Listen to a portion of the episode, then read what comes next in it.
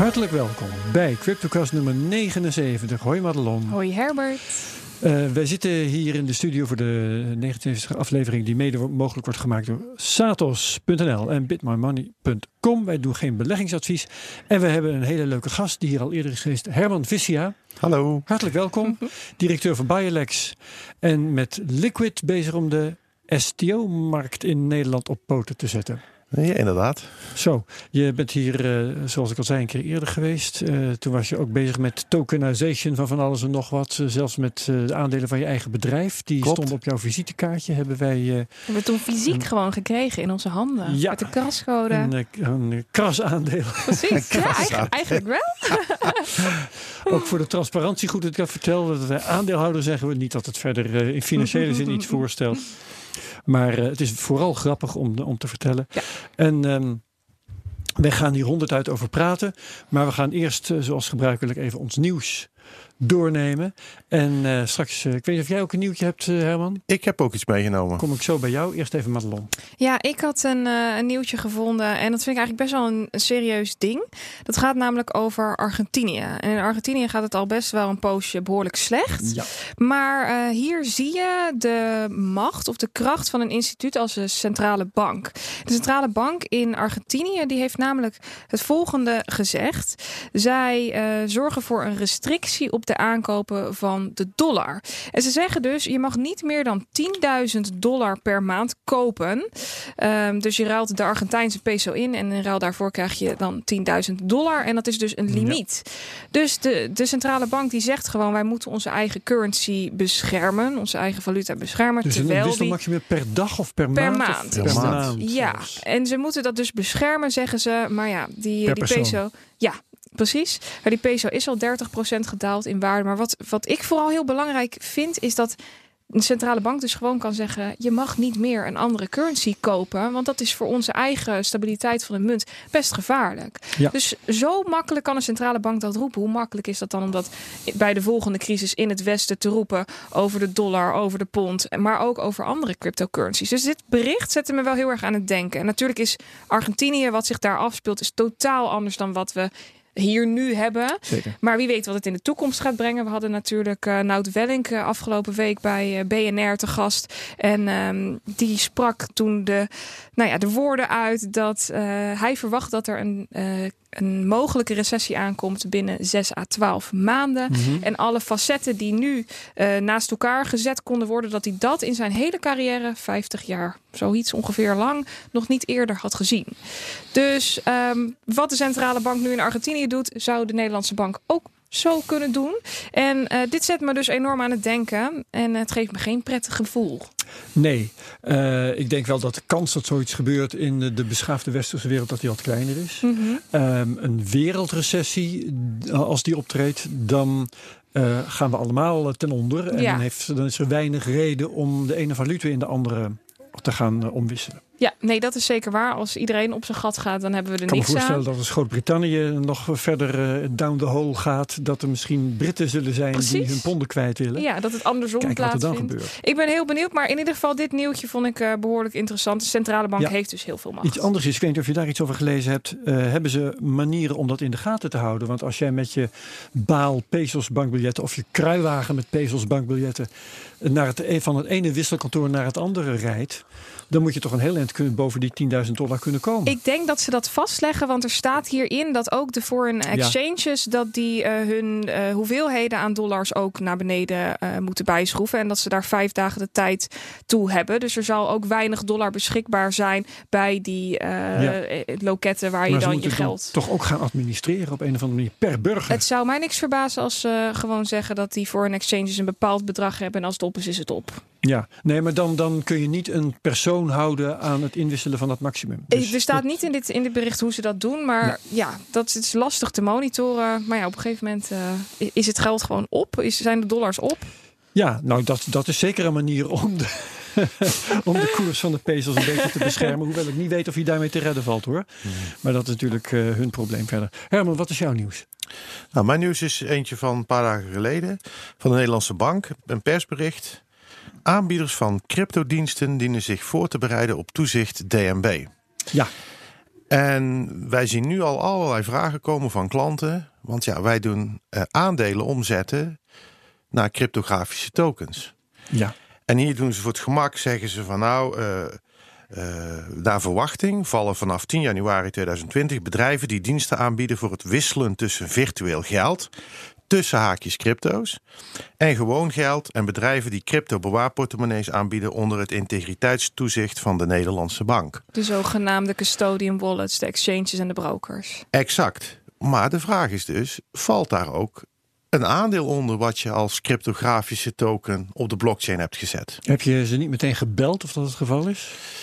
Ik heb ze nog niet gebeld. Ik denk namelijk, als ik kijk naar de Want uitleg. doet dat soort dingen, hè? even ter herinnering. Ja. Ja, ja, ja, maar het is. Kijk, als je kijkt naar de Europese richtlijn, dan gaat het vooral. Men zegt wij willen eh, monitoren dat mensen in het binnenkomen. Wie komt er in ons huidige financiële systeem en wie stapt er uit het huidige financiële systeem? Dus Ja. instappen betekent ik kom van crypto en ik ga naar het oude systeem, Fiat. Ja. naar fiat. Ja. En andersom.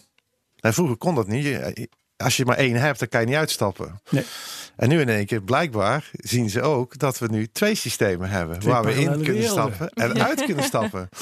Dat is op zich al fantastisch, want nu kunnen we het gaan vergelijken. Welke is beter? Welke is groter? Ja. Ehm, maar je krijgt dus hele interessante vragen. Is een aandeel een, een valuta?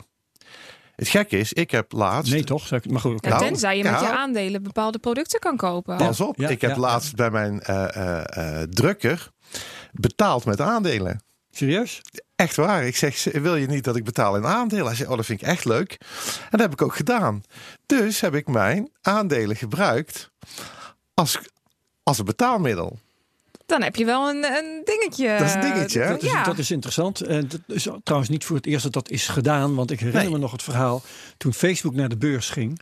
Toen kwam naar voren dat een of andere eh, kunstenaar... Ja. die had een schilderij of zo gemaakt voor in de hal.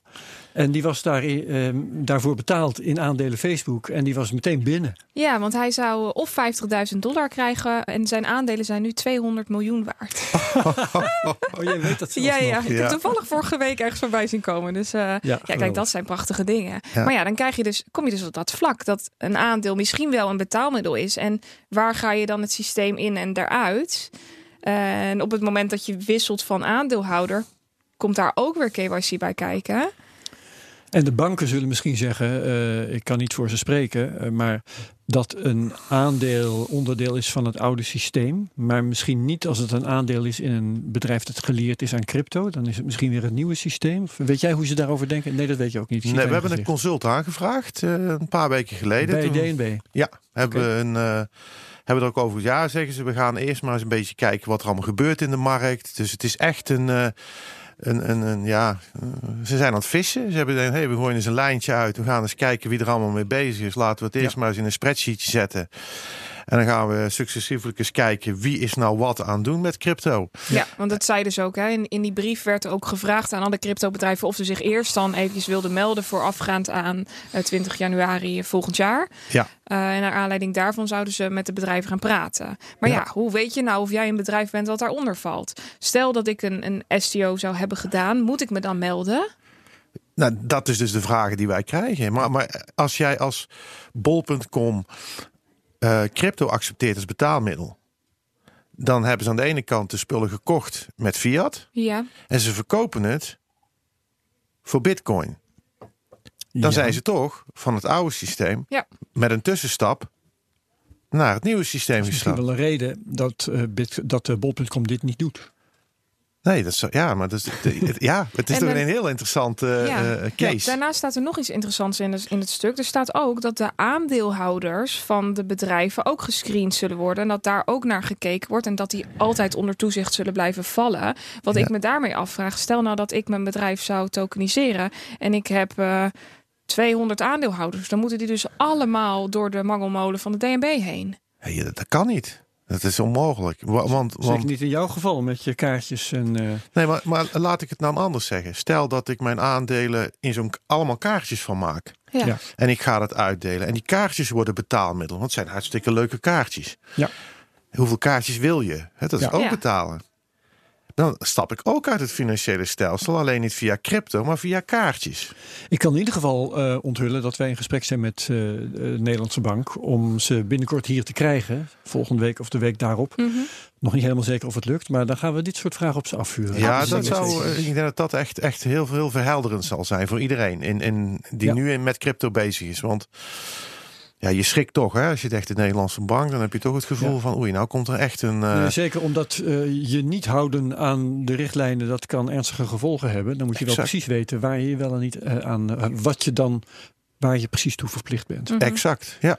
Ja. Maar er staat overigens niet duidelijk in die brief, want er was nog een ehm, ja, verwarring. Op nu.nl stond dat als je niet voldeed aan de eisen van de DNB, dat je dan je bedrijfsvoering niet zou mogen geen voortzetten. Ja. Eh, nou, het gaat Nee, niet zozeer Nou, om een vergunning. Er is geen precies. nog. Ja. Dus stel dat je niet geregistreerd zou worden, dan werd je bedrijf opgedoekt. Dat goed, staat niet het- zo duidelijk in die brief van DNB. Dus Oké. Nee. eh, het zou best kunnen zijn dat je dan tijd hebt om alsnog vol- te voldoen aan die richtlijn. Dat DNB je helpt, eh, noem het maar op. Ook vragen. Precies, dat gaan we allemaal uitzoeken volgende week. ja, ja, ja. Of de week erop. Oké. Nou ja, dan eh, heb ik het nieuwtje dat eh, PwC Luxemburg vanaf 1 oktober cryptocurrency gaat accepteren als betaalmiddel. Kijk. En dat is wel grappig. Ehm zij vallen natuurlijk niet onder de Nederlandse regels, maar dat is in elk geval nog een bedrijf dat, dat eh, die stap wel aandurft. Ja. Ehm, ze hadden er ook wel een aardige bekendmaking bij. Eh, dit komt in de show notes. En dan ehm, eh, het bericht dat ik heb gevonden, dat linkt dan weer naar het persbericht van PwC. En het leuke is, zij zeggen van ja, wij eh, worden geacht advies te geven aan bedrijven die eh, dit soort stappen overwegen. Dan moeten we zelf ook maar in het diepe springen. Ja. En, eh, want je kunt niet fatsoenlijk adviseren als je niet zelf ook aan de lijve hebt ondervonden hoe het is. Ja. Om daarmee bezig te zijn. Ja. Nou, dus dat vind ik wel mooi consequent van ze. we hebben, naar aanleiding van dat hele eh, STO-verhaal wat wij doen, eh, hebben we een, een belangenvereniging opgericht. Dat heet Crypto Delta. Ja. En daarin heeft de PwC ook zitting. Hmm. Eh, Ah. Want die zijn toch wel actief hoor. Die, die, die nemen het ontzettend serieus. Oké. Eh, dus krijgen ja, wij straks van jou een contactpersoon en die gaan we hier uitnodigen. kijk, gaat helemaal goed komen. ja. nee, maar vertel eerst, want je, ik onderbreek je. Wat, wat, wat doen ze? Ehm, nou, ze zijn bijvoorbeeld aan het kijken van eh, governance. Hè? Bijvoorbeeld als jij bitcoin accepteert. eh, Zij gaan bijvoorbeeld, ze, hebben geïnvesteerd in systemen om te traceren of jouw bitcoin door zo'n eh, laundry gebeuren is gegaan. Dus dan zeggen ze ook, ja kijk, als jij bitcoin ontvangt die door zo'n wasmachine heen is getrokken, dat is per definitie al verdacht, zeggen ze. Hè, dus ze zijn die monitoring systemen zijn ze aan het investeren. Want zij moeten natuurlijk toezicht houden. Ja. Hè, en, eh, dus, de- ja, en dan moet je de te- techniek in. Dat kan niet anders. En dan moet je dit soort dingen gaan doen. Wat betekent dat dan? Kunnen wij een bitcoin helemaal volgen tot het einde? Weten wij zeker waar die vandaan komt? Eh, is het geen terrorisme, financiering of, of, of eh, Ja. zwart geld of, of wat ze dan ook allemaal money laundering? Ehm, nee, daar zijn ze serieus mee bezig. En met Crypto Delta zitten ook advocaten in, accountants in.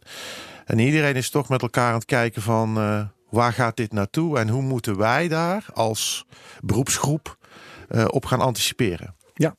Oké, mooi zo. Dat was het nieuws. Eh Madelon, de prijzen. Yes, de prijzen. Oh, superleuk. Ik pak even ondertussen mijn Je grafiek bent al er weer eh, bij. zeker drie weken heel erg in je knollentuin, merk ik. Ja, ik, ik, eh, ik vind het fantastisch. Eh, nou, om heel eerlijk te zijn, ik was gisteren bij de Telegraaf en ik had het even met Wilson, de presentator van de Telegraaf, over Wilson de. Bitcoin-koers. Ja, en hij zei gelijk, nou, om heel eerlijk te zijn, vind ik het ontzettend saai. Er gebeurt weinig, er is weinig nieuws. Sideways trading. Ja, ik kan me er wel in vinden. De koers die is niet zo volatiel als dat we van hem gewend zijn. Mhm. Het gaat behoorlijk rustig eh, in een driehoek met een horizontale bodem en een schuin aflopende eh, weerstandslijn. Dus de koers Ja. wordt steeds verder in die driehoek gedrukt. En daar zitten we nog steeds in. We hebben nu een beetje weerstand rond de 10.500 dollar. Aan de bovenkant ligt er nog eentje rond de 10.900 dollar. Maar vooralsnog ehm zitten we nog steeds in de driehoek. Pas op het moment dat we ergens boven de 11.000 dollar uitbreken, dan zouden we opwaarts uit de driehoek gebroken zijn. Maar zolang we boven de 9.400 dollar blijven en niet lager komen, dan eh, ben ik een gelukkig mens. Dus, ehm, want je had eh, de vorige twee keer al gezegd eind september, dan gaat het los. Maar het kan dus ook eerder los als eh, dat plafond gebroken wordt. Ja, voor eh, even kijken, wat, wat verwacht ik ongeveer? Voor midden oktober moet de koers wel uitgebroken zijn. Maar eh, dat zou veel eerder kunnen. Kan Dat zou- volgende week bij wijze van spreken. het zou rond, rond de tijd dat Bak live gaat, zou dit best dus kunnen Ja. gebeuren. Ik zie Herman knikken. Dus ehm, ja. Ja, we hebben nog een ander bedrijf. Wij exploiteren nu 10 Bitcoin ATM's. En wij zien altijd, als er iets gaat gebeuren, zien wij in één keer dat een hele hoop mensen allemaal Bitcoins gaan pinnen. En dat is Hey. ongelooflijk. Welke kant op? Eh, kopen ze bitcoins of verkopen ze? Nee, nee, nee. Wij doen alleen maar verkopen. Oké. Dus wij verkopen mensen dan met name Ja. bitcoins. En Ja. dus die. Heel, heel vaak zeggen, hey, moet je eens kijken. In één keer zien we dan in één keer dat er, dat er eh, een hoop transacties zijn. Dus veel mensen kopen dan op dat moment bij jullie bitcoins. Ja, en dan, en dan zie je altijd, die prijs gaat omhoog. Dan zie je in één keer mensen kopen, gaat die nog verder omhoog. Want het is natuurlijk normaal. Zakt die weer, dat is gek. Dan dan gaat hij heel laag en dan koopt niemand. Dan denk je, dat is toch ook vreemd. En dan moet je juist kopen. De En psychologie van de markt, de emotie. het is, Niemand Ja. durft dan. het is ongelooflijk. Ja, het is dus waar de trader tegenin gaat, hè Madelon? Ja, contrair handelen. Ja, Ja. maar dat is met Bitcoin ATM's. Ja, mensen doen dat niet. Die denken, oei, oei, nou, ik wil de boot niet missen. Ik pak een paar tientjes en ik ga toch even gauw nog wat Bitcoin halen. Ja. En eh, het is heel geinig om te zien hoe dat zich ontwikkelt. En we zien, vorig jaar hadden we heel weinig eh, omzet eigenlijk. Mhm. En nu zien we langzaam, het is, het is heel constant.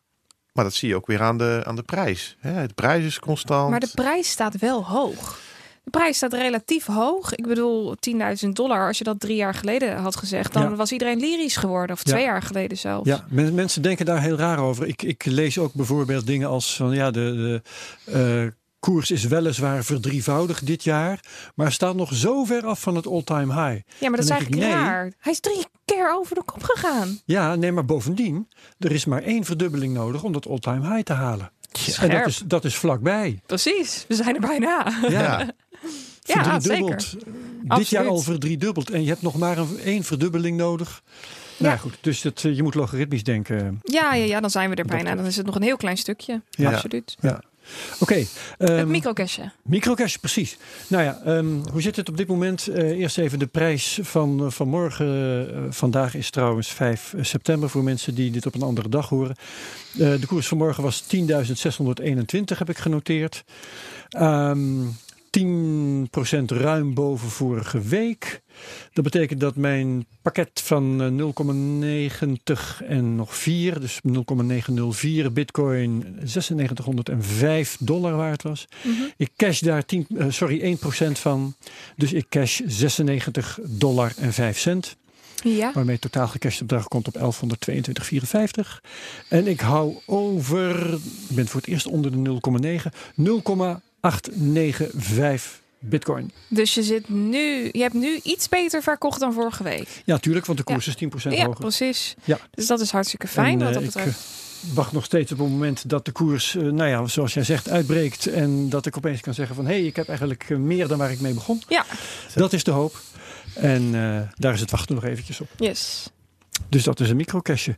Gaan we Herman doorzagen? Oké.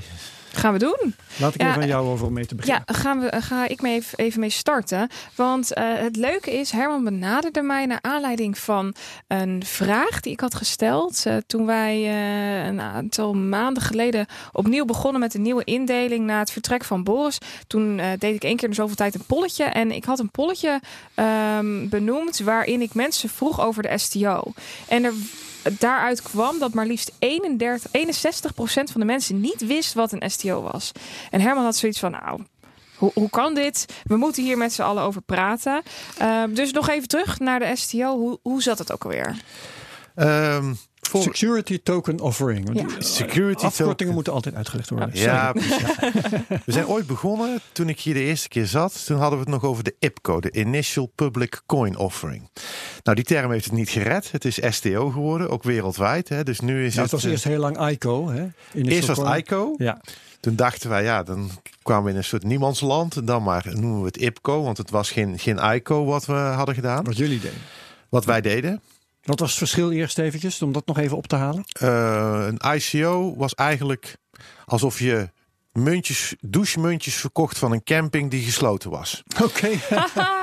Totaal geen enkele waarde, eh, alleen een belofte. En, en ook geen enkele eh, eh, eh, ja, eh, bescherming van een aandeelhouder. Ja, het vaak- waren ook vaak geen aandelen. Het bedrijf eh, gaat een, een of ander cloud product aanbieden en met zijn tokens kun je dan die cloudruimte kopen. Precies. En, en dat, met dat geld, omdat ze die tokens van tevoren verkochten, konden ze dan het product ontwikkelen. Ja, en als het goed gaat met het bedrijf, werden ze meer waard. Een beetje een aandeelachtig ding kreeg je dan. maar ook eh, als het, allemaal. als het bedrijf nog niet bestond, werd het meer waard. Het was gewoon één cowboymarkt. Ja, Ja. Het, was, het, was een, het was echt eh, een echte western, Dus was dat- het, de ICO-wereld. Dat maakte jij alvast anders en op welke manier? We hebben toen gezegd, laten we nou eens echte waarde op de blockchain zetten. Dus een aandeel van een bedrijf heeft een echte waarde. Hè. Dat Ja. wordt ook in de wet zo geregeld. Daar Mhm. zitten ook allerlei rechten en plichten voor het bedrijf zelf als je dat doet.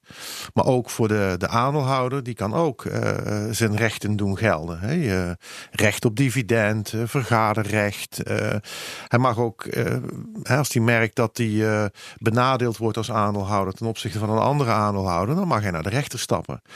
Dus dan in één keer val je in een, eh, in een, in een eh, juridisch systeem wat al een paar honderd jaar oud is. Ja. Ja. En ehm, dat maakt het erg interessant, want dat betekent dat, je het, dat iedereen het kan doen. Dat je niet bang hoeft te zijn dat je iets verkeerd doet of, of ja, je doet gewoon iets wat al heel lang bestaat. Alleen je doet het op een vele snellere manier en een veel efficiëntere manier. En ik wil toch eventjes aanstippen wat we gedaan hebben. Een gemiddelde transactie in een BV kost ongeveer 30 dagen eh, aan tijd. Dus het En wisselen van de aandeelhouder bedoel als jij je een nu? nieuwe aandeelhouder in Ja. je BV wil hebben, Mhm. dat duurt ongeveer 30 dagen met alle stukken die je moet maken bij de, bij de notaris. En kost ongeveer, grosso modo, 1500 euro aan, aan tijd, aan, aan, aan stukken bij de, bij de notaris. Mhm. De manier die wij nu hebben met onze technologie, eh, kost dat nu 1,50 euro en duurt drie minuten. Zo. Dus het is. Dat, En is het juridisch evenveel waard? Ja, Want die, die, exact. die notaris, de rol van die notaris is er niet voor niks. Exact. Kijk, die rol van die notaris is eigenlijk een soort gatekeeper altijd geweest. Mhm. Jij ging naartoe, ja, ik wil eh, eh, Osama bin Laden wil ik aandeelhouder maken. Dan zegt de notaris, ho, ho, dat kan niet. Want wij hier, eh, die staat op een zwarte lijst en, Mhm. Trouw, en dat kan echt niet. Dus dat is een soort gatekeeper geweest. Die, die behoede jou voor rare dingen als Ja. bedrijf. Die haal je nu weg. Dan moet je daar natuurlijk wel iets in de plaats zetten. Want jij kan nu wel in één keer dingen doen. Want je hebt niemand meer die meekijkt. Ja. En dat is nou het leuke van een public blockchain. Eh, iedereen, elke transactie die je doet, is wereldwijd te zien. Dat betekent dus, je kan het doen. Je kan zeggen, nou, ik ga iets doen wat niet mag. Ik ga al, al de overige aandelen, ga ik een hele hoop aan naar mijn nieuwe vriendin overmaken. Ja, dat kan ik doen, zonder betalingen. Maar dat zien de andere aandeelhouders op een gegeven moment tijdens de aandeelhoudersvergadering. Ze ze hebben bewijzen ook. Want kijk, dat heb jij toen en toen gedaan, exact. Het is dus een iets andere manier van governance eigenlijk. Hè, waar, je, waar je vroeger achterover kon gaan liggen en zei: Oh, de notaris die, die checkt alles wel. Moet je nu veel meer zelf doen. Moet je ook veel meer vertrouwen geven aan jouw aandeelhouders. Dat je het ook goed doet en dat je het transparant doet. En moet je ook. De middelen geven om te zeggen: Komt u maar kijken. Maar je kunt het, eh, dit hebben we, eh, wat is het, een jaar geleden ongeveer, hebben we dit al besproken. Hè? Maar ik, toch nog eventjes, eh, om ook mijn geheugen op te frissen. Je zet die notaris buitenspel, je gaat het zelf doen. Eh, jij zegt, oké, die aandeelhouders kunnen het allemaal zien. Dat is goed en wel. Maar ehm, als je bijvoorbeeld naar de beurs gaat, dan moet jij prospectus, eh, de bank moet regeling, eh, moet, moet dingen voor je gaan regelen.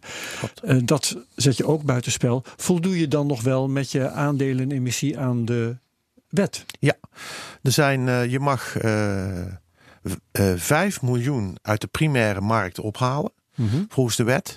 Bij een BV, want er zit natuurlijk een verschil tussen een BV en een NV. Nou, kijk, je moet, je moet niet vergeten dat de wetgever nu bezig is om eigenlijk van de NV een BV te maken. Oké. Zij gaan dus aandelen aan toonde gaan ze eh, beperken. Dat mag straks niet meer. Mhm. Dat betekent dus dat alle aandeelhouders bekend zijn. Ja. En dat is nou typisch iets wat een BV is. Ja. Dus dat is een besloten vennootschap. Dus ehm, ja, ik denk, kijk, je mag dus, of het nou een BV, NV, jij mag vijf, eh, als je een financieel product aanbiedt aan de markt, de primaire markt, mag je elke twaalf maanden 5 miljoen uit de markt halen. Er is een meldingsplicht bij de AFM, dus je Mhm. moet wel degelijk vertellen dat je dat gaat doen. Ehm, maar verder kan je dat doen. Heb je verder ook alleen maar te maken met eh, de aandeelhouders zelf? Exact. Je kunt, Ja. Er is nog geen eh, eh, manier om het eh, echt verhandelbaar te krijgen. Dus je kunt nog niet naar Euronext bij wijze van spreken.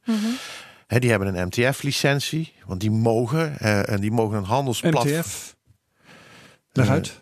Multi-trade. Eh, het gaat erom dat er drie partijen zijn in Nederland, dacht ik, die deze licentie hebben. En ik weet niet precies de naam hiervan. Ik ben zo lastig met, eh met afkortingen. Maar hierdoor mag je dus een beurs zijn en mag je eh, stukken verhandelen. Dat is eigenlijk waar het op neerkomt. Exact. Dus ik google het even. Het is met drie letters. Dus dan... Multilateral Trading Facility. Zo. Is dat in de buurt?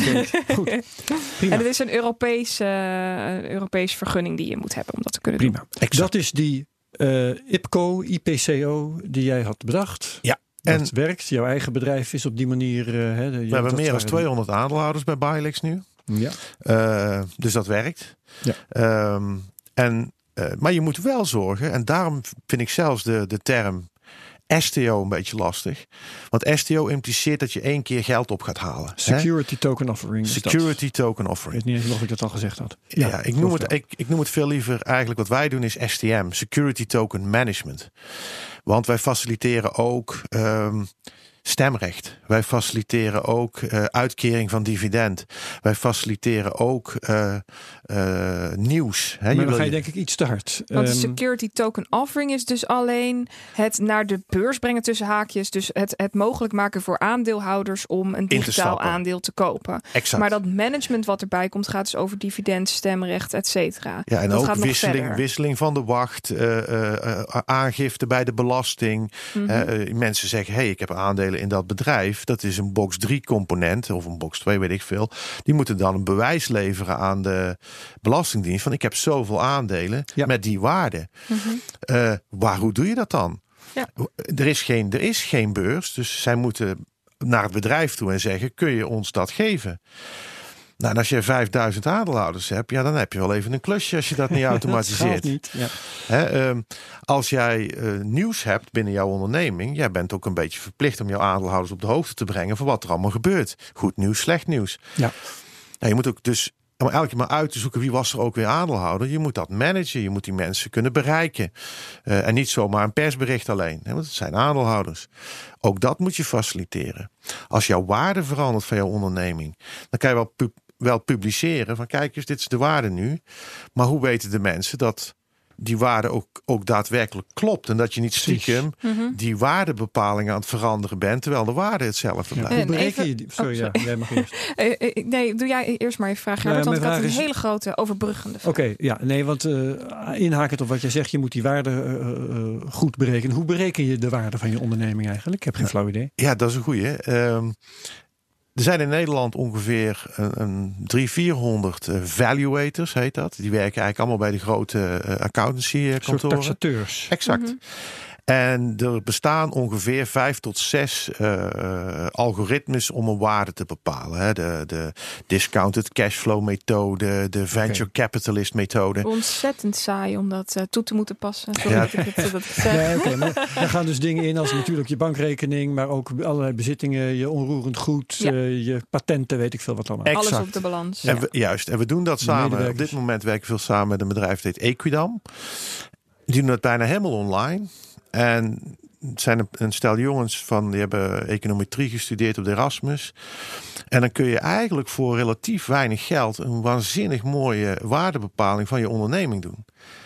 Nog belangrijker is, omdat het niet zo, zo kostbaar is, kun je het ook een paar keer per jaar doen. Hè, in plaats van dat je zegt, ja, eh, want je wil natuurlijk, er gebeuren van allerlei dingen in je onderneming. Hey, we hebben wat meer klanten binnengehaald. Eh, eh, het patent is goedgekeurd. Wat betekent dat voor onze waarde? Mhm. Dus ondanks dat je dan niet een beursnotering hebt, kun je toch iets gaan zeggen over de waarde van je onderneming. En dat is natuurlijk hartstikke leuk voor jouw aandeelhouders.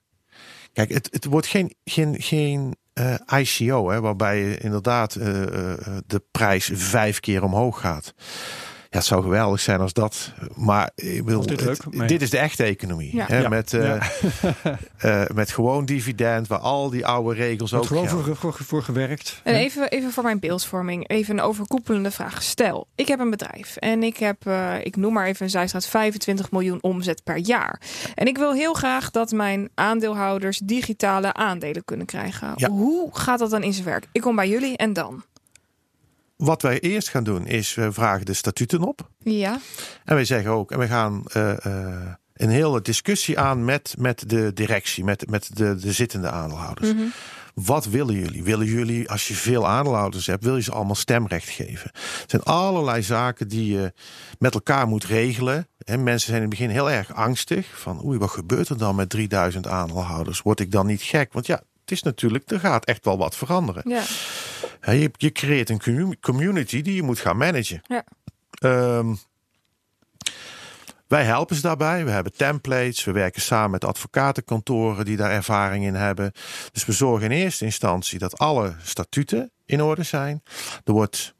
Ja, er moet een stak boven het bedrijf gezet worden, een stichting administratiekantoor. Want wij gaan certificaten van aandelen tokenizen. Hè, want de wet zegt gewoon, echte aandelen kan niet. Dat moet via een notaris.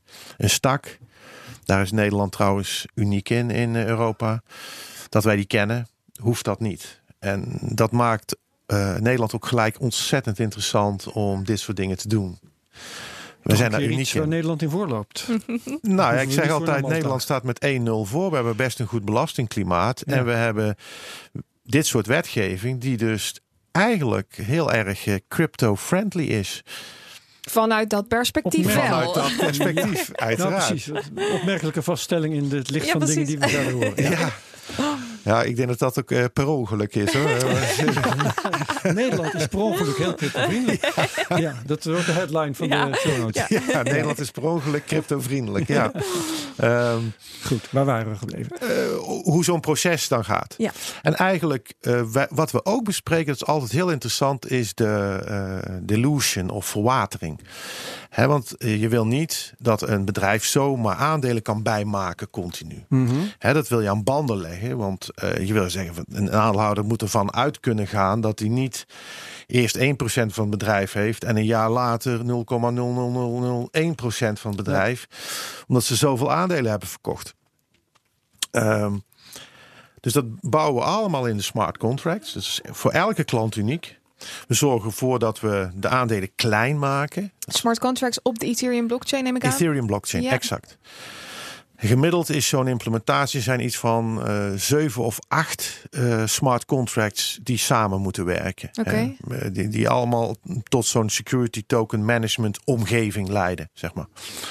Ehm, waarbij verwatering dan het belangrijkste is. En eh, zodra dat eh, akkoord is, dan eh, bouwen wij dat op voor dat bedrijf. En dan kunnen ze losgaan. Ja. En er zijn erbij die zeggen, nou, wij, wij gaan geen offering doen. Wij hebben gewoon personeel wat we mee willen laten deelnemen. Wij hebben, we zijn nu aan het praten met een bedrijf die zegt, wij hebben in 40 landen hebben wij distributeurs zitten. En die willen wij mee laten profiteren van de winsten. En dat vinden wij veel gemakkelijker op deze manier. Want dan kunnen wij ze dividend uitbetalen in, in Ether. En dan kunnen zij zelf lokaal dat dan inwisselen. Dan hoeven we, Ja. hebben we eigenlijk helemaal geen problemen meer mee met, met allerlei valuta's en moeilijk en, en belasting. En dat is allemaal klaar. En als ik, ja, Madelon. Eh, Je zei net dat het in totaal dus eh 1,50 euro kost per eh, wisseling, zeg maar. Mhm. Maar als ik het als totaalplaatje voor me zou zien, wat zou een complete STM dan kosten? Dat met, met het juridische stuk erbij Ja. en zonder de marketing. Mhm. Tussen de 35 en 50.000 euro. Nou, dat valt reuze mee als je het vergelijkt met een gewone beurs waar je toch Ja, 1 à 2 miljoen moet betalen voor een beurs voor naar de beurs gaan en dan nog beursnotering behouden, wat ook weer meer dan een miljoen per jaar kost. Ja. Dan valt het reuze mee. Plus, wij kunnen het in, in tussen de zes en acht weken helemaal hebben draaien. Zo. Dus dan, is de, dan zijn de statuten aangepast. Dan is alles helemaal in één keer. Ben je, heb je je hele aandelenkapitaal getokenized. En ben je klaar om dat te gaan uitdelen. En zit er een limiet aan die hoeveelheid aandeelhouders? Nee, eh, leuk in Nederland. Dus bijvoorbeeld in Spanje heb je dat wel, 150 geloof ik. In Nederland kennen wij geen limiet voor het aantal aandeelhouders in een BV. Ook weer een foutje waarschijnlijk. Nou, ik vind het eigenlijk wel een hele goeie. Want dan komen we op het leukste stuk. Ik krijg heel vaak de vraag: ja, maar Herman, nou hebben we het getokenized. En En nu? is het en nu? Want Ja. het is nog steeds Ja. niet liquide. Dat, dat wilde ik vragen. Is dat dan ook per definitie verhandelbaar? Nou komt ie. Ja, nou komt ie. Als we veronderstellen dat de huidige situatie waarbij we niet tokenizen, noemen we dat verhandelbaarheid factor 1. Mhm. En noemen we op de beurs Euronext eh, met diepte eh, het, eh, super verhandelbaar. Ja.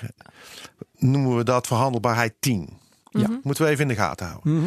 Wat, we hebben nu, wat we nu gedaan hebben, hebben we gezegd van nou, in de statuten van de meeste bedrijven staat een, een, een clausule en dat noemen ze aanbiedingsplicht of in het Engels first right of refusal.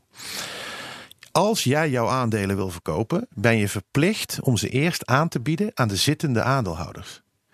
Dus wat we hebben gemaakt is een prikbord. We zeggen gewoon aandeelhouder, wil jij je, aandeelhouder, je aandelen verkopen? Zet op het prikbord. Alleen maar beschikbaar voor de overige aandeelhouders. Mhm. En die mogen dan kijken of zij het willen kopen van jou. Dan, wij gaan er ook, of het, de onderneming gaat er niet tussen zitten. Dus ook niet met de betalingen of wat dan ook.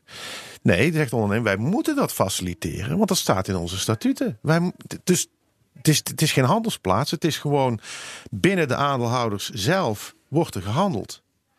Kijk, en de discussie wordt natuurlijk heel interessant. Als je 55.000 aandeelhouders hebt. Ja, Wat gebeurt er? Gaat hij dan bieden op die aandelen? Ja, dan nou ja, krijg je eh, een markt. Ja. Eh, nee, als, als ik ze aanbied, ik zeg van ik wil 5 euro hebben voor 20 aandelen. Mhm.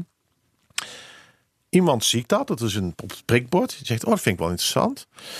Die geeft daar reactie op. Zegt, nou, ik wil eigenlijk wel, ik wil 4,50 euro betalen. Aan die ene aandeelhouder. Die aandeelhouder denkt, ja, ik heb echt geld nodig, weet je wat. Ik ga erop in. Dus die stuurt op dat, op dat moment pas een mailtje dat die ander ziet wie het is. Die zegt van, kunnen wij dan zaken doen voor 4,50?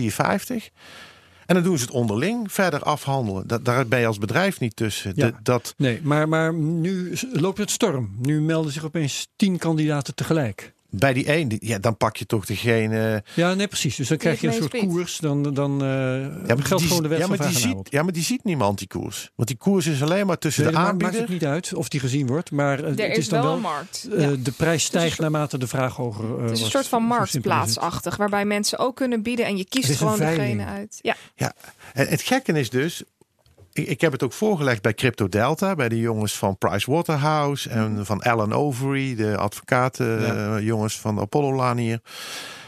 En die zitten me allemaal aan te kijken. en zeggen, Ja, hmm, weten wij ook niet wat, wat dit nou is. Hoe je dat moet noemen. Nou ja, Ja. het lijkt je- voor mij het meest op een veiling eigenlijk. Ja, maar ja, je moet uitkijken ik, om het een veiling te noemen. Want Ja, als je dat doet, dan zegt de A, ja. Ja, dan gaan we weer. Dus je moet.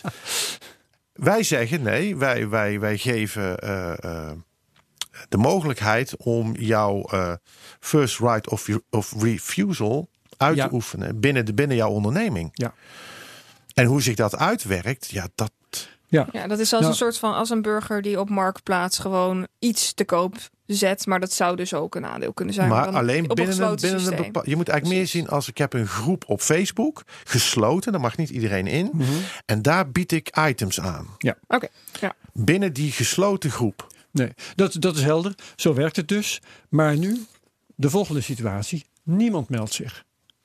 Wat dan? Kan ik er dan mee naar buiten die groep van huidige aandeelhouders? Ja, want je hebt eerst je hebt voldaan aan de, eh, eh, aan de wet, hè, of aan jou, aan, aan de statuut. Verplichting, ja. En dat Ah is ja, vastgelegd op de blockchain, dan neem ik aan, of niet? Hoe werkt dat? Nee, nee, nee, nee. Kijk, op een gegeven moment zeg jij van nou, ik, ik heb is het op het gezet. Dus daarmee he- heeft iedereen de Ja. kans gehad om het te zien intern. maar Dus het is alle andere. controleerbaar op een of andere manier, hoop ik Ja. toch? Ja. er worden gewoon mailtjes uitgestuurd van hé, hey, er is iemand met een aanbieding, willen jullie meedoen? Dus Ja. je hebt voldaan, Niemand meldt zich. niemand meldt zich.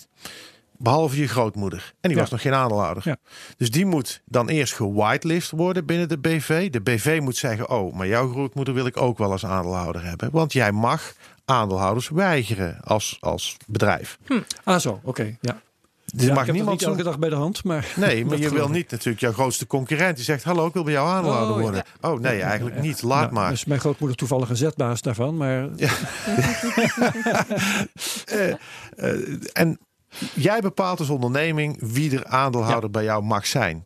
En ook al, en als, als die aandeelhouder niet gewitelist wordt, dus zijn wallet wordt niet gewitelist, dan kun je er ook geen tokens naar overmaken. Ja. Dat is onmogelijk.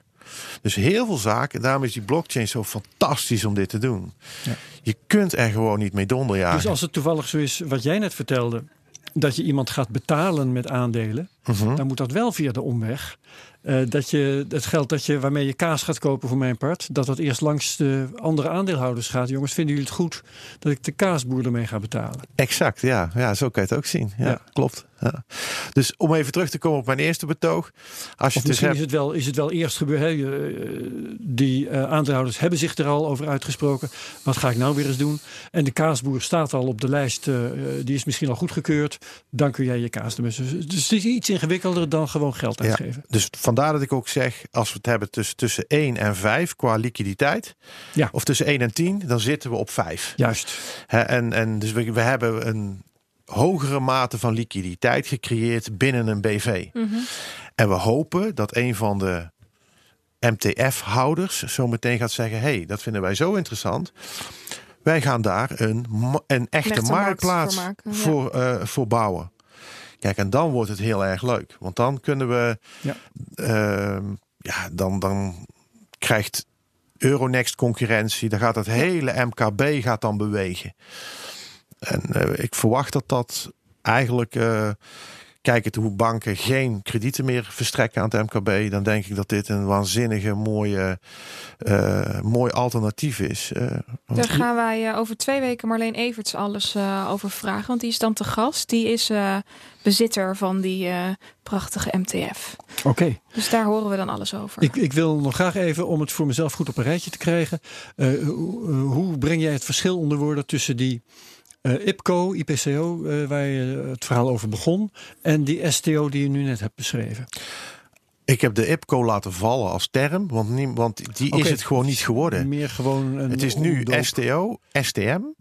En, STM. en we hebben gezegd, en ook, ook voor mensen om te zeggen, is dat nou iets voor mij? Want er zit heel veel, je hebt best veel kennis nodig van hoe, hoe een bedrijf werkt. Hoe werken nou aandelen? Waar komt dat vandaan? Hoe zit dat dan met een stak? Eh, Ja. Hebben wij een, een STO readiness check gebouwd. Daar heb ik een, het is een beetje een expert systeem. Ik heb er al mijn kennis in gestopt. Dus je krijgt, je beantwoordt 40 vragen en op elk antwoord geef ik mijn commentaar. Dus je krijgt dan een heel gepersonaliseerd rapport met een hele uitleg. Wat is het? eh, eh, hoe, eh, wat betekent het voor jou als organisatie? En je kan dat vinden op eh stoready.nl.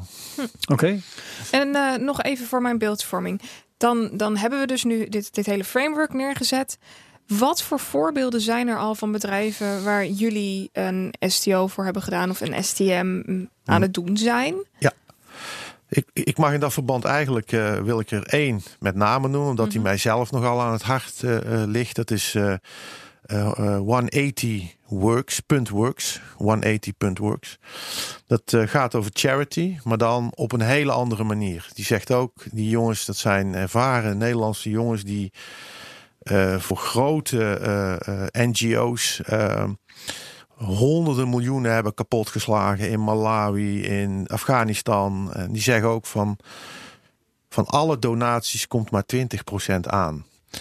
En dat moet anders. Dus zij zeggen, wij noemen dat 180. En 180 is 180 graden Omdraaien. omdraaien. 80% moet aankomen. En we hebben samen met hun ook een heel systeem ontwikkeld op de, op de Stellar blockchain. Om honderdduizenden mensen elke dag een salaris te kunnen betalen. 100.000 mensen. 100.000 mensen. Daar hebben we op geïngineerd. Dat is de capaciteit? Of, nou, of we denken dat het nog veel groter kan. Oké, ja, ja. Maar we hebben, we hebben dat als uitgangspunt genomen om te zeggen. Hoe moeilijk is het om in een vluchtelingenkamp of in een groot gebied eh, te zeggen van hé, hey, we hebben daar eh, duizenden en duizenden mensen die of nu naar Europa willen komen, maar wat als we ze een baan geven? Dat klinkt goed, maar je moet als je, als je 100.000 mensen een baan geeft, moet je ze ook betalen. En vaak moeten ze per dag betalen. Dus dat zijn 100.000 transacties per dag. Nou, op Stellar kosten 300.000 transacties Nou, 1 genoeg cent. niks, Ja.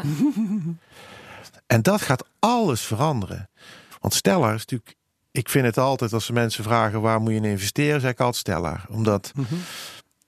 om- Dat is geen beleggingsadvies. zeg dat is geen beleggingsadvies. Nee, nee, nee, nee, nee. Maar. Niet van ons. Ehm, en als we die mensen dan een, een, een, een mogelijkheid geven, zeggen: Oh, ik heb vandaag tien bomen geplant, klik. En automatisch krijgen ze dan geld. En zonder gewoon in no time. En zij kunnen dan met, dat, met eh, de tokens die ze dan krijgen, kunnen zij eh M-Pesa gaan kopen of eh, weet ik veel, Ja. Malawi dollars. Ik weet helemaal niet wat ze daar hebben. En ik geloof dat dat echt een van de, een van de mooiste initiatieven is. Zij willen een STO gaan doen, omdat de meeste charity-bedrijven zeggen: ja, dat is raar, dan moeten we in technologie gaan investeren. Dat doen wij eigenlijk niet zo graag. We willen wel investeren om die mensen een salaris te geven. Dus we zijn, en zij gaan nu een STO beginnen, eh, 180 Works, om eh, dat systeem op te gaan bouwen en eh, proef te gaan draaien. Dus eh, waarschijnlijk gaan, gaat het ook in Malawi proef draaien Ja. met het eh, planten van bomen. Dus gewoon mensen inhuren die zeggen wij gaan fruitbomen planten in verwoestijnde gebieden met Nederlandse technologie. Eh, met een hoge survival rate van die bomen zit van alles achter. Maar stel je toch voor dat dat lukt. Dat je die mensen kunt zeggen, je werkt voor ons, zijn vaak vrouwen. Ja. Je krijgt er geld voor. En als je klaar bent, heb jij eh, eh, 500 fruitbomen. En dan mag jij de opbrengsten daarvan hebben. Dan heb je het CO2-probleem bij voor een stukje aan het oplossen. Want je gaat verwoestijnde gebieden ga je vergroenen. Je zorgt ervoor dat die grote mensenmassa's niet allemaal naar Europa willen komen. Want je hebt ze werk gegeven. En eh, eh, je, hebt ze een, een- ja, je, je gaat er een economie opbouwen. Ja, ja. En de- ja, het is een, een, een, een mooie gedachte. En ik ben ook heel blij dat ik daar eh, mijn steentje aan bij mag dragen eigenlijk. Eh, wou even erbij opmerken dat als het om Stellar gaat, daar hadden we het eh, vanaf deze podcast gerekend drie weken terug over. De datum was 15 augustus met Wouter Arkink. Dus Ja, mensen die klopt. dat willen terugzoeken, die kunnen dat bij deze ook doen. Ik heb eigenlijk nog wel een vraag over ehm, de toekomst. Als we even iets verder gaan. Ehm, wat we nu horen is dat eigenlijk eh, aandelen gewoon ouderwets zijn. Daar komt het eigenlijk op neer. Ehm, en als je kijkt naar vooral de kleinere bedrijven, dat die hier echt gewoon kans maken om vermogen uit de markt op te kunnen halen. En als we dan nog even een stapje verder gaan, er is dus nu op dit moment nog niet echt een markt waarin het super makkelijk is om die op plek 10 te zetten, zoals dat we zien bij Euronext, waarin je super makkelijk kan handelen, net als bij Bitcoin. Maar daar gaan we wel naartoe. Dat is wat ik heel duidelijk hier opmerk. En als ik dan wat verder nadenk, dan zit ik ook na te denken over het tokenizen van mijn huis. Of wellicht het tokenizen van een student die het op school heel goed doet. Eh, waarvan ik zeg, nou weet je wat, ik eh, neem een aandeel in jou. Eh, een goede voetballer. Frankie, Frankie de Jong Ja, tokenizen. Hè? Ik eh, neem een goede, een go- een go- een goede voetballer en ik betaal weet ik veel wat. Maar zo kan je dat ook doen met een student die goed presteert op school. Ik betaal je schoolgeld. En als jij straks een goede baan hebt, dan keer je mij maar dividend uit. Ik noem maar iets. Hoe kijk je daar nou tegenaan? Nou, ik, inderdaad, het is een schot in de roos. Ik denk dat dat ook gaat gebeuren. Alles van waarde wordt verhandelbaar. Ik bedoel, dat is eigenlijk de achterliggende gedachte. Ehm, het is altijd eigenlijk al zo geweest. Alleen, ja, het, is, het was vroeger natuurlijk altijd lastig. Ik heb een auto die heeft waarde. En ja, die kan ik moeilijk aan iemand geven. Maar stel dat ik hem kan tokenizen. Stel dat we auto's gaan tokenizen. Hè, men heeft het altijd over de millennials, dat die allemaal zo graag delen, noem maar op. Maar ik, heb, maar ik zeg altijd, men vergeet altijd te zeggen dat ze eerlijk willen delen. Als ik een auto heb die ik wil delen met mijn buren. En mijn buren rijden de hele dag mee en die betalen maar de helft. Nou, dan ben ik niet Zijn meer de zo van delen. niet blij? Ja, Nee. Ja, maar dat, is- dat is wel een heel interessant voorbeeld. En ehm, dan wil ik wel graag iets verder gaan dan alleen maar te horen dat het kan. Ehm, ik heb een auto, ik wil die delen, ik meld me bij jou. Wat gaan we doen? Nou, dan ga ik zeggen, zover zijn we nog niet, Herbert, zeg ik dan. Want ehm, Dus het kan in principe, maar zover zijn we nog niet. Nee, ik denk dat de techniek het op Wat dit moment nog niet toelaat. Nee. Eh, dat zijn eh, toch behoorlijk complexe platformen. We praten over waarde, hè, dus we moeten zeker kunnen weten dat die tokens ook daadwerkelijk die waarde vertegenwoordigen. Ja. Waarvan we zeggen dat die, hè, wat het waard is. Ja.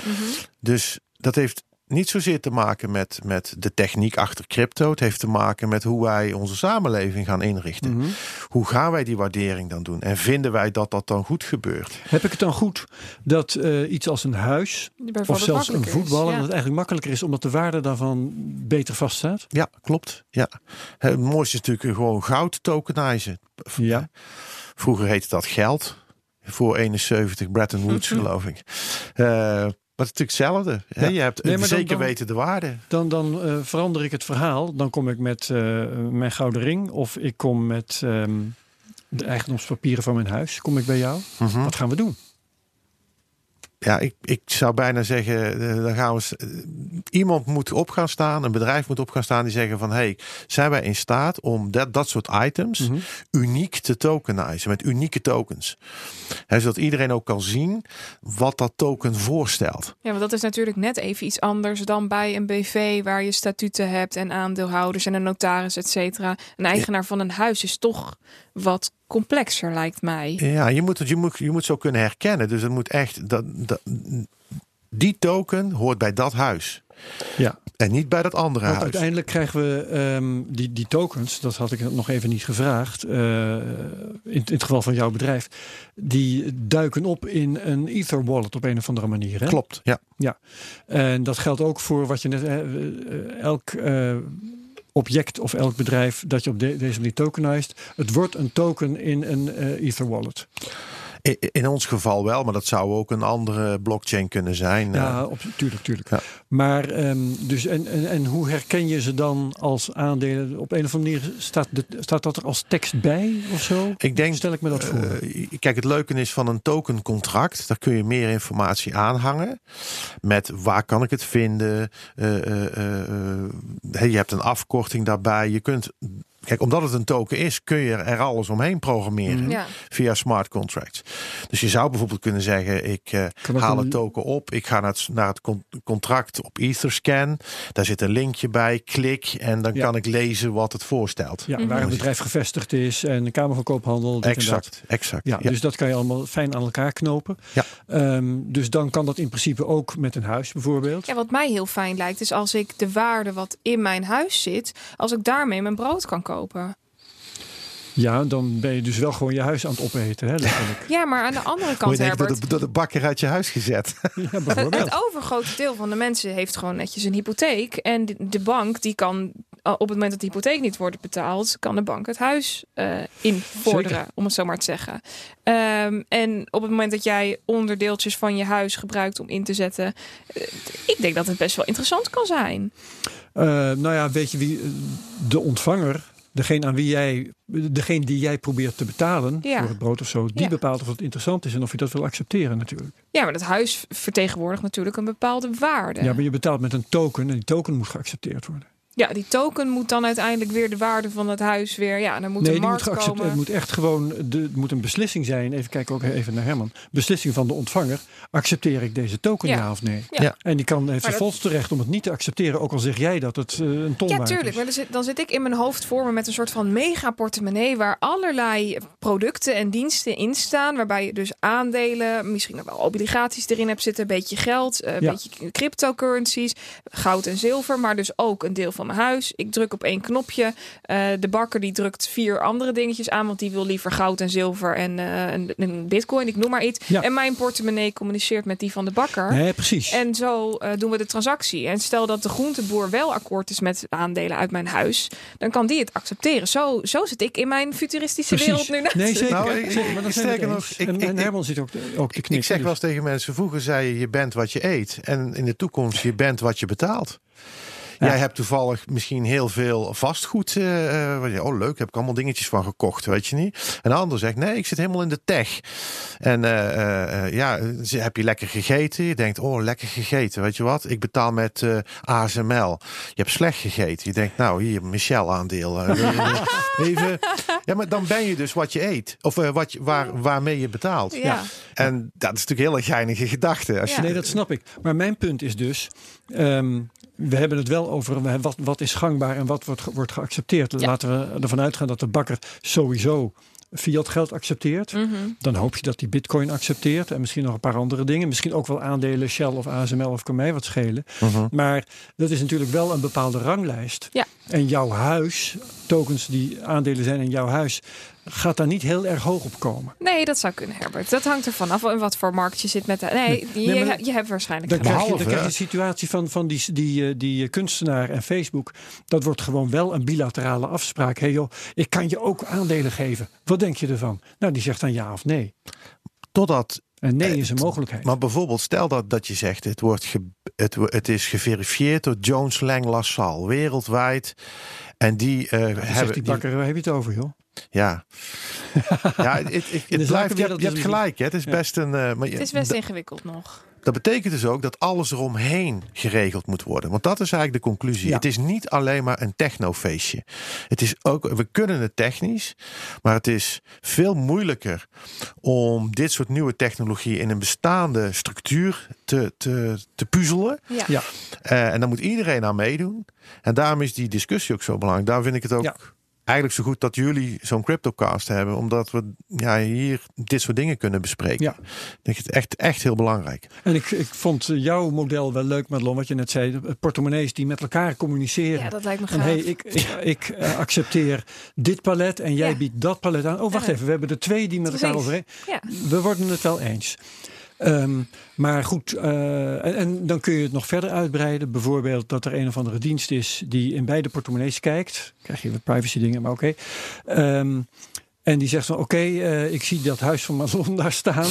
Ja. Eh, dat wil ik als intermediaire dienst wel accepteren. En ik wissel dat om een fiat. En daar ja, dan krijg je een soort van. PayPal die er tussendoor komt. Ja, of een shapeshift. Ja, precies. Weet ja. je wel? Dus dan zit je als het ware atomic swaps te doen op een of andere manier. Maar blijft zo dat, dat een, een huis van een particulier wordt een beetje een niet erg gangbaar ding. Maar aandelen zou dus wel relatief makkelijk kunnen. Als ik kijk naar de Nou ja, positie van Euronext die hierin. Precies. Ja. Zou, zou Euronext dus de kosten en de tijd heel erg kunnen reduceren. Ja. Voor het aanbieden van aandelen op haar beurs. Ja, ja, ja, ja. En ik denk ook dat je. eh, eh, kijk, we hebben, wij zijn gevestigd met Liquid op de Hightech Campus in Eindhoven. En we zien daar een geweldige vraag. Die hebben 70, 80 start-ups per jaar. En eigenlijk, laat ik zeggen, je wil graag, als je toch wil investeren in tech, dan denk ik dat er heel veel mensen zeggen: Oh, ik wil best een start-up die, die, die ge- gecoacht wordt door ASML en Philips. Of die rechtstreeks Ja. van de Landbouwhogeschool Wageningen komt. Mhm. En nu is het nog best lastig voor hen om investeerders te vinden. En Ja. ik denk dat juist daar, en dat is, er hebben we zoveel in geïnvesteerd in Nederland. Eh, Gewoon zelf in al die, die, die start-up scenes en die, die incubators. Denk ik van ja, als we dat voor elkaar krijgen, dan, dan wordt. Er wordt gewoon een exportproduct van Nederland. Want ook buitenlanders kunnen dan zeggen: hey, ik doe mee. En eh, we kunnen op die manier dan kapitaal gaan aantrekken. Dan Ja. krijgen we een hele nieuwe economie. Op een totaal andere manier ingericht dan Ja. hoe we die nu kennen. Exact. Maar Ja. hoe- van hoeveel bedrijven heb jij de, eh, de aandelen, de waarde nu al getokenized? Eh, we hebben er nu acht gedaan. En ik, we hebben er zeker 15 al in de pijplijn zitten. Juist. Ja. Dus het, het gaat echt gebeuren. Dan heb je nog een hele hoop te doen, maar eh, het is wel aan het gebeuren. Het is absoluut aan het gebeuren. Ja. Ik had nog een vraag op Twitter die ik nog heel graag eventjes wil stellen. En dit is een behoorlijk kritische.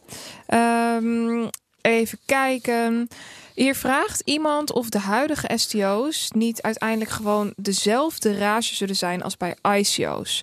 Waarbij er weer problemen zullen zijn met scams of teleurgestelde investeerders die ingestapt zijn en dan de dupe worden van hun eigen hebberigheid.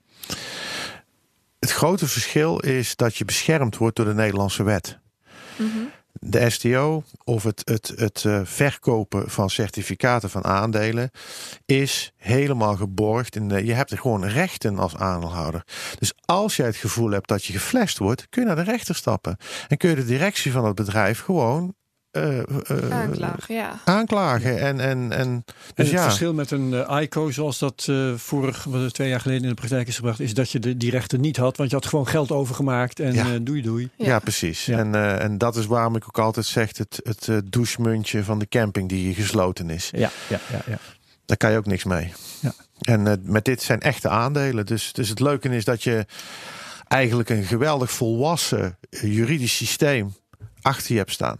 En gaat dit net zo rage worden als bij de ICO's? Nou, is dan mij. Kijk, ik, ik hoop natuurlijk van wel. maar uh, ik denk het ook wel. Ik denk dat elke technologie die bepaalde bestaande processen exponentieel sneller of exponentieel goedkoper maakt, gaat het altijd redden. Want dat is wat automatisering per slot van rekening doet. En, en om het even helder te krijgen, die ICO's uh, die stonden in een kwade reuk. En uh, dat is ook ja, is eigenlijk uh, een eind aan gemaakt. Hè? En diezelfde wet waarvan jij zegt die beschermt de aanhouders, die staat dit wat jij nu doet ook expliciet toe. Die staat, ja, helemaal 100 procent. Ja. ja. Heel goed. Um, nog meer via Twitter of van jou zelf? Nee, Madelon? dat was het. Nee, want we hebben het uur vol. Hartstikke dus goed. Herman Vissia, heel hartelijk bedankt. Graag gedaan. Van Liquid en van Biolex. En Madelon bedankt. Herbert, Luisteraars bedankt. bedankt. Ja, ja, heel graag gedaan.